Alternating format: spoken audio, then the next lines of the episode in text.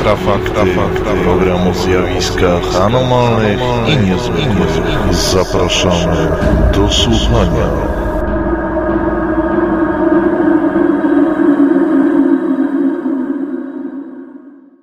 Witam Państwa w Infrafaktach, czyli cyklicznym programie poświęconym najnowszym doniesieniom o zjawiskach paranormalnych i niezwykłych. Mówi Michał Kuśnierz z portalu infra.org.pl, a razem ze mną jest Piotr Cielebiaś. Witaj Piotrze. Witam.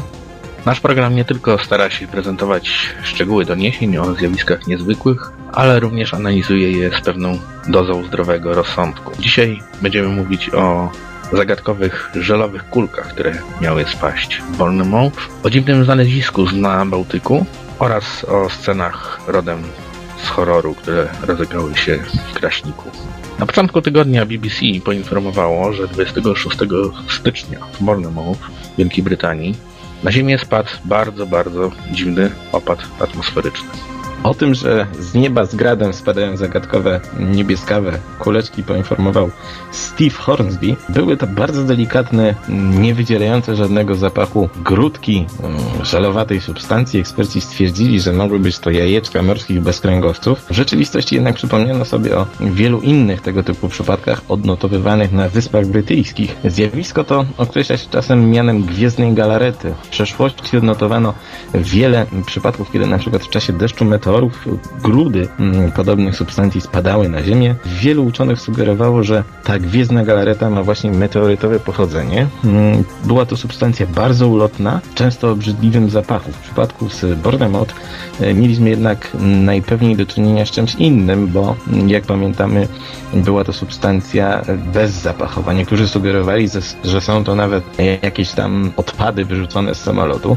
Jednak być może ta teoria o e, jajeczkach jakichś stworzeń przyczepionych do nóg ptaków nie jest tak szalona. Tak, a wszystkie osoby, które chcą dowiedzieć się więcej o tak zwanych anomalnych deszczach, odsyłam do książek słynnego Charlesa Forda. Z tego co pamiętam, to najsłynniejszy przypadek upadku takiej właśnie galarety, o której wspomniałeś, e, w Polsce miał miejsce w 1914 roku w Blachowni koło Częstochowy. Ale powrócimy może teraz do sprawy, o której kiedyś mówiliśmy, a o której przypomniał niedawno CNN. Otóż latem ubiegłego roku wspominaliśmy o szwedzkich nurkach, którzy odkryli na dnie Zatoki Botnickiej zagadkowy obiekt. Co wiadomo w tej chwili na ten temat? Wiadomo właściwie niewiele. Firma Petera Lindberga, który e, specjalizuje się w poszukiwaniu e, morskich skarbów i przeczesywaniu wraków, odnalazł na dnie Bałtyku dwie dziwne, koliste struktury. O tym poinformowało właśnie CNN. Z tego powodu o tym mówimy, bo mm, w internecie nagle zrobiło się o tym bardzo głośno. Szwedzi twierdzą, że nie wiedzą, czym są te e, obiekty lub struktury. Mogą być śladami po mm, zatopionych obiektach, natomiast od razu zaczęto sugerować, że jeżeli coś leży na dnie morza, jest okrągłe mm, i tajemnicze i niewiadomego pochodzenia, to może być to UFO. Oczywiście nikt e, realnie nie, nie potwierdza, że e, coś takiego wchodzi w grę. Lindberg z kolei potwierdził, że e, obiekty te, czymkolwiek są, będą bardzo trudne do wydobycia, będzie to kosztowne. No, mam nadzieję, że kiedyś się dowiemy, a o tej sprawie będziemy jeszcze informować, jeżeli tylko pojawią się jakieś nowe fakty. Tak jest, z pewnością. Ale może przejdźmy do kolejnej sprawy, którą opisał Dziennik Wschodni. Okazuje się, że pod koniec roku w jednym z gimnazjów w Kraśniku miało dojść do scen niczym z filmu Egzorcysta. Jeden z uczniów miał doznać na lekcji ataku złego ducha, po tym jak rzekomo eksperymentował z czarną magią. Co ciekawe, parę dni później to samo dotknęło drugiego z chłopców. Dziennik Wschodni twierdzi, że podczas pierwszego ataku dziecko wiło się, samotało i mówiło mm, w nieznanym języku. Ponoć miotało też przekleństwa. Całe szczęście, że pod ręką był ksiądz, który postanowił rozprawić się z szatanem. Zapewne był to katecheta. Stwierdził on potem, że chłopak został odwieziony do egzorcysty, który tam na miejscu rozpoznał, że ma do czynienia ze złym duchem. Gazeta twierdzi także, że chłopcy mm, bawili się w domu w wychodzenie z ciała, mm, w wyniku czego opętał ich szatan. No z tego co wiemy, to praktyki wychodzenia z ciała, czyli tak zwane OB, nie mają jednak nic wspólnego z tym, co określa się mianem czarnej magii. No chyba, że patrzymy na wszystko z punktu widzenia kościoła katolickiego, który za przejawy satanizmu uznaje mm, Harry'ego Pottera czy Pacywkę.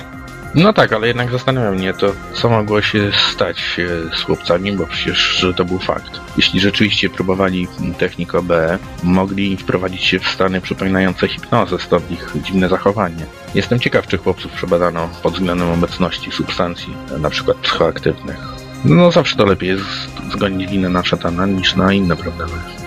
Tak, możemy mm, też stwierdzić, że ostatnimi czasy kręgi e, katolickie bardzo propagują ideę egzorcyzmu. W Polsce działa bardzo dużo kapłanów lub ludzi świeckich zajmujących się właśnie czymś takim. W rzeczywistości egzorcyzmy są jednak e, formą bardziej brutalnej psychoterapii. Księża twierdzą, jak ten ksiądz z przypadku Kraśnickiego, że są w stanie rozpoznać i odróżnić przypadek e, opętania od e, na przykład choroby psychicznej.